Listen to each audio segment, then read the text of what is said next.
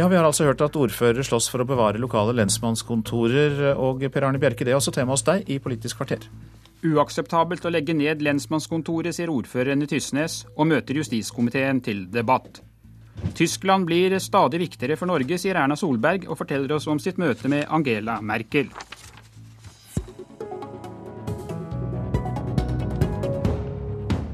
God morgen og velkommen, Erna Solberg. Takk.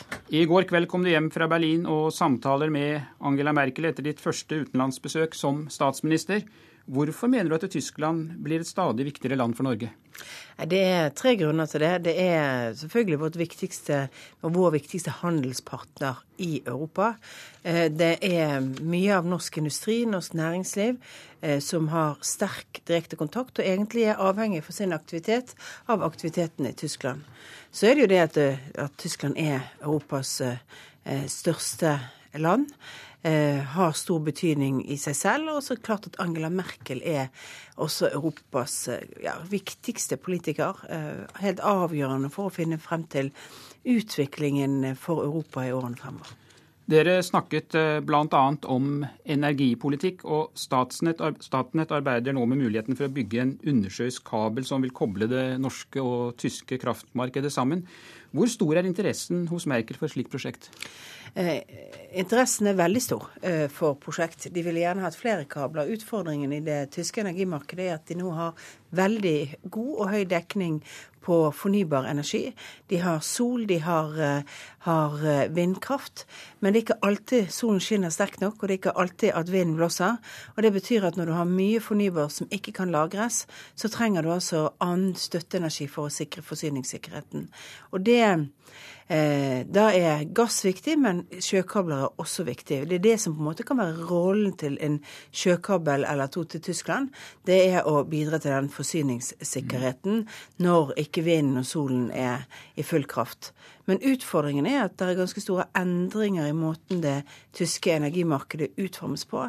Subsidieordningene, et marked for kapasiteter, som de sier, for denne forsyningssikkerheten. Det, og Da må vi også vite hvilke rammebetingelser eh, den strømmen vi sender til Tyskland skal ha, før vi kan fatte en investeringsbeslutning i Norge. Ja, for Her er det jo snakk om store investeringer. og eh, Hva må tyskerne love deg når det gjelder tilgangen til markedet, før du og regjeringen går inn for eh, denne utbyggingen? Ja, nå er det jo i og for seg Statnett som skal fatte vedtak og styre der. Men, men det er et statsselskap? Men de skal ha en, ja, og de skal ha en konsesjon for å gjøre det fra, fra regjeringen eller fra, fra Olje- og energidepartementet. Det er å være sikker på at man får være deltaker i kapasitetsmarkedet. Det skjer litt av det samme i, i Storbritannia nå. I første runden så er altså ikke kabel, strøm via kabel eh, inne i det kapasitetsmarkedet de har laget i Storbritannia. Vi må også presse på der for å sikre det. Hvis ikke så er det veldig nye rammebetingelser for tanken om at Norge skal kunne bidra til stabiliteten i energiforsyningen gjennom å sende strøm uh, i kabel. Du var så vidt inne på det. Norge selger jo også betydelige mengder gass til Tyskland. Men i dag så sliter jo da gasskraftverkene med lønnsomheten pga. høye priser og billig kull. To av de gasskraftverkene som Statkraft har i Tyskland, står for tiden stille. Hvordan ser du på mulighetene for gassalget fremover? Er, det er en faktor som er viktig for gassalget eh, fremover. og Det er delvis hvordan dette kapasitetsmarkedet utvikler seg, men det er også eh, det store spørsmålet om hvordan CO2-prisen utvikler seg. Og det at vårt, eh, det store eh, auksjonssystemet eh, eller, handelssystemet for, for utslippstillatelser i Europa har gitt en så lav eh, karbonpris over lang tid, det bidrar jo da til at eh, fremtidsutsiktene som vi så for fem-seks år siden med en høyere karbonpris, at gass dermed ville være konkurrere sterkt med kull, det har ikke slått til. Og det er, det er en utfordring som vi må ta på alvor. Men det er jo et stort EU-spørsmål hvordan du da eventuelt gjør endringer i hele dette kvotesystemet. Det er jo ikke bare en utfordring, for det er ganske alvorlig ut fra et miljøsynspunkt at eh, nå forurensende brunkull skal utkonkurrere gass? Absolutt. Og det, og, men utfordringen vår for hele CO2-målsetningen er at vi ikke har fått høyere karbonpris som en konsekvens av det kvotemarkedet. Det dreier seg selvfølgelig om den økonomiske krisen. Veksten har ikke vært så stor i Europa at etterspørselen etter energi har vært stor nok, og da blir eh, kvotene også lave. Og så har det kommet mye fornybar energi inn, og da det har også en påvirkning på en måte for etterspørselen etter, etter CO2-kvoter. Kull er billigere å produsere enn gass. Det, det kan bare gjøres lønnsomt ved at utslippene prises høyere. Angela Merkel hun ble jo gjenvalgt eh, som kansler omtrent på samme tid som du vant eh, valget her hjemme, men eh, i motsetning til deg så sliter hun litt med å få satt sammen sin eh, nye regjering, og styrer for tiden et forretningsministerium. Men likevel så er hun jo da Europas ubestridte leder. Hvilket inntrykk gjør hun på deg når du møter henne sånn ansikt til ansikt? Ja, hun er jo veldig eh, altså hun er en praktisk orientert dame. Politisk praktisk, opptatt av å finne løsninger, opptatt av å gripe fatt på liksom de utfordringene som ligger der. Eh, hun har en interessant eh, politisk lederstil fordi hun er flink til å lytte til folk. Og så forsøker hun å finne kompromissene. Og basert på den gode ja, god kunnskap hun har på de ulike områdene, så har hun en form for mild form for styring hvor hun kommer frem til kompromisser og gjør det. Men jeg har jo også sett henne i andre sammenhenger sette foten tydelig ned, f.eks. gjennom krisen i, i, i, EU og særlig den økonomiske krisen i Europa. Så har, har hun også vært tydelig og klar på hvor grensene går for Tyskland. Og jeg tror at uh, hennes stil appellerer. Det er ikke en politisk brøtende stil. Det er en, uh, det er en rolig, forklarende og kompromissletende stil. Det syns jeg er flott. Uh, og hun er interessert, opptatt av Norge. Jeg tror at hun opplever at vi tenker på mange måter likere det Tyskland gjør om en del av det som er viktig i verdens, både verdenspolitikken og europapolitikken. Takk skal du ha for at du kom hit, statsminister Erna Solberg.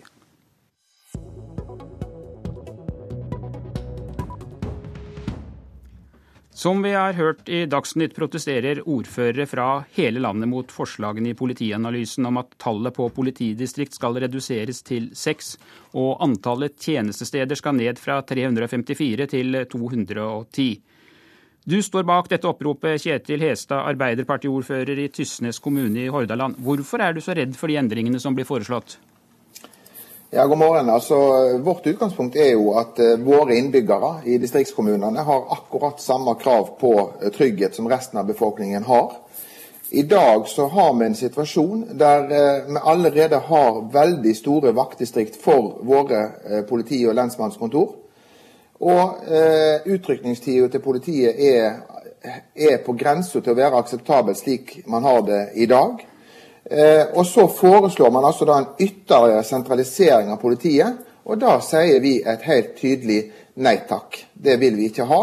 Vi vil ha den eh, sikkerheten for innbyggerne våre som vi har krav på. Anders Werp, nestleder i Stortingets justiskomité for Høyre. Det er dere som til slutt skal ta avgjørelsen.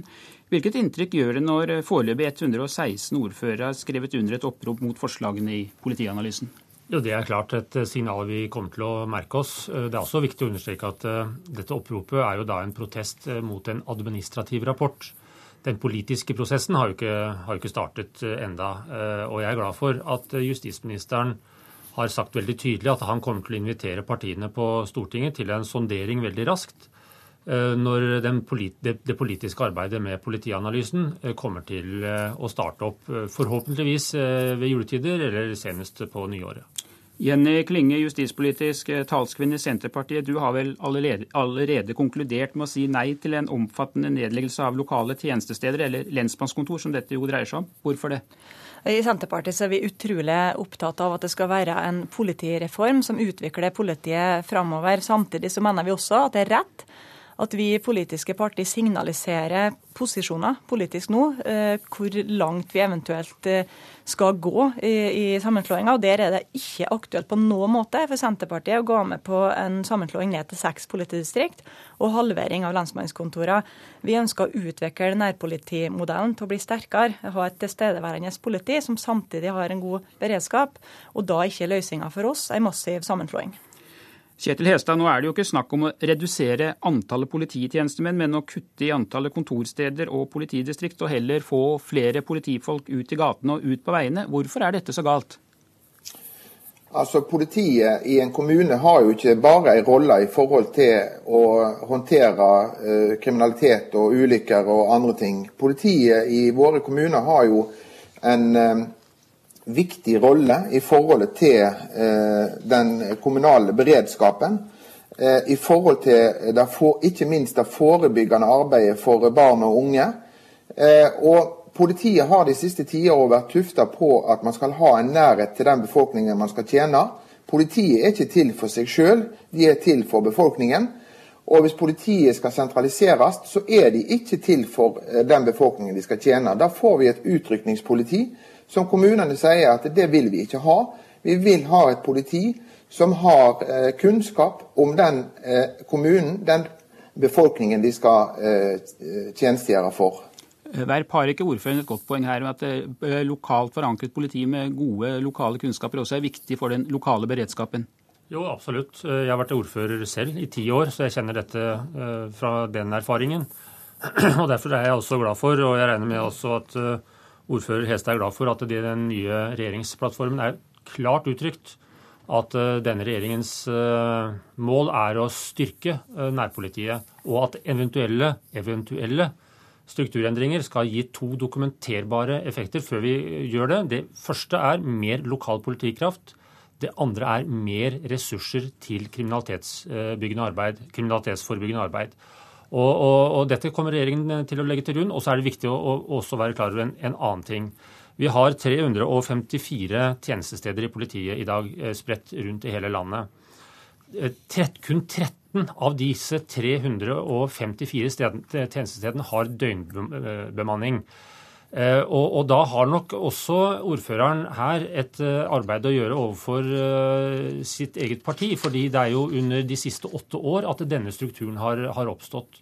Og inklusive Senterpartiet, som satt i samme, samme regjering. Under 4 av tjenestestedene i dag har døgnbemanning. Det understreker noe av utfordringen her, som vi skal ta tak i. Jenny Klinge.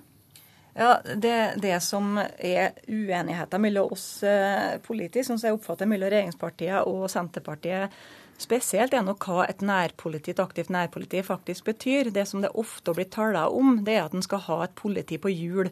Et politi som røkker fort ut. Eh, og det er selvsagt viktig, men det er også et ansiktslaust politi. Eh, og det å ha et nærpoliti som folk kjenner, og som kjenner folk, eh, er uvurderlig, slik jeg ser det. Og så er det ikke minst viktig å få med seg at når vi da antyder at det er en fylkesmodell vi vil gå inn for, så vil det være en fornuftig modell, all den tid både fylkesmann og fylkeskommuner, og ofte også frivillige organisasjoner, har de grensene. Politiet, Det er et samvirkeprinsipp i politiet, med samarbeid med andre aktører.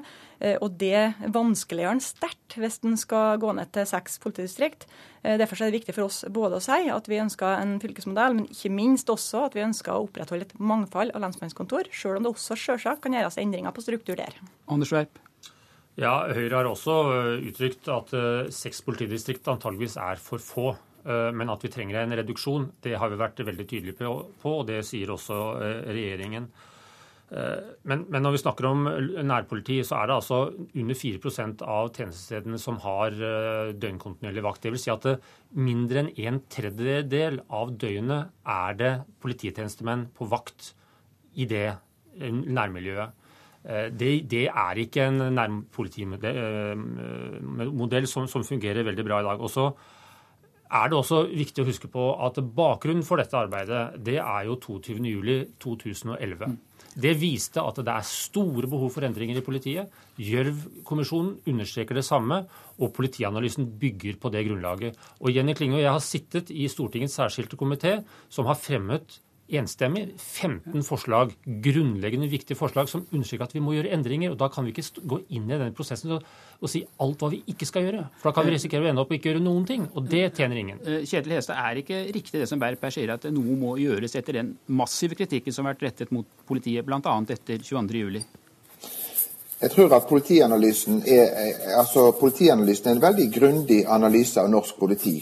Men politianalysen utelukker helt Eh, å, ta opp spørsmålet knytta til nærhet, eh, politinærhet. Altså til, til, eh, til, det her som går på nærpoliti. Og, og for, for, kommunene, for nå mer enn 120 av de norske kommunene, så, så, er man veldig urolig for at man skal få en situasjon der en får altså et større fravær av politiet enn det en allerede har i dag. Og eh, det er ofte slik for vi som er ute i Distrikts-Norge, at vi opplever igjen og igjen at politiet er ofte de siste som kommer til en hendelse. Brannvesen og, og, og, ambulanse er ofte kommet før. Eh, og Derfor så sier vi at det er på grensa til å være forsvarlig slik det er i dag.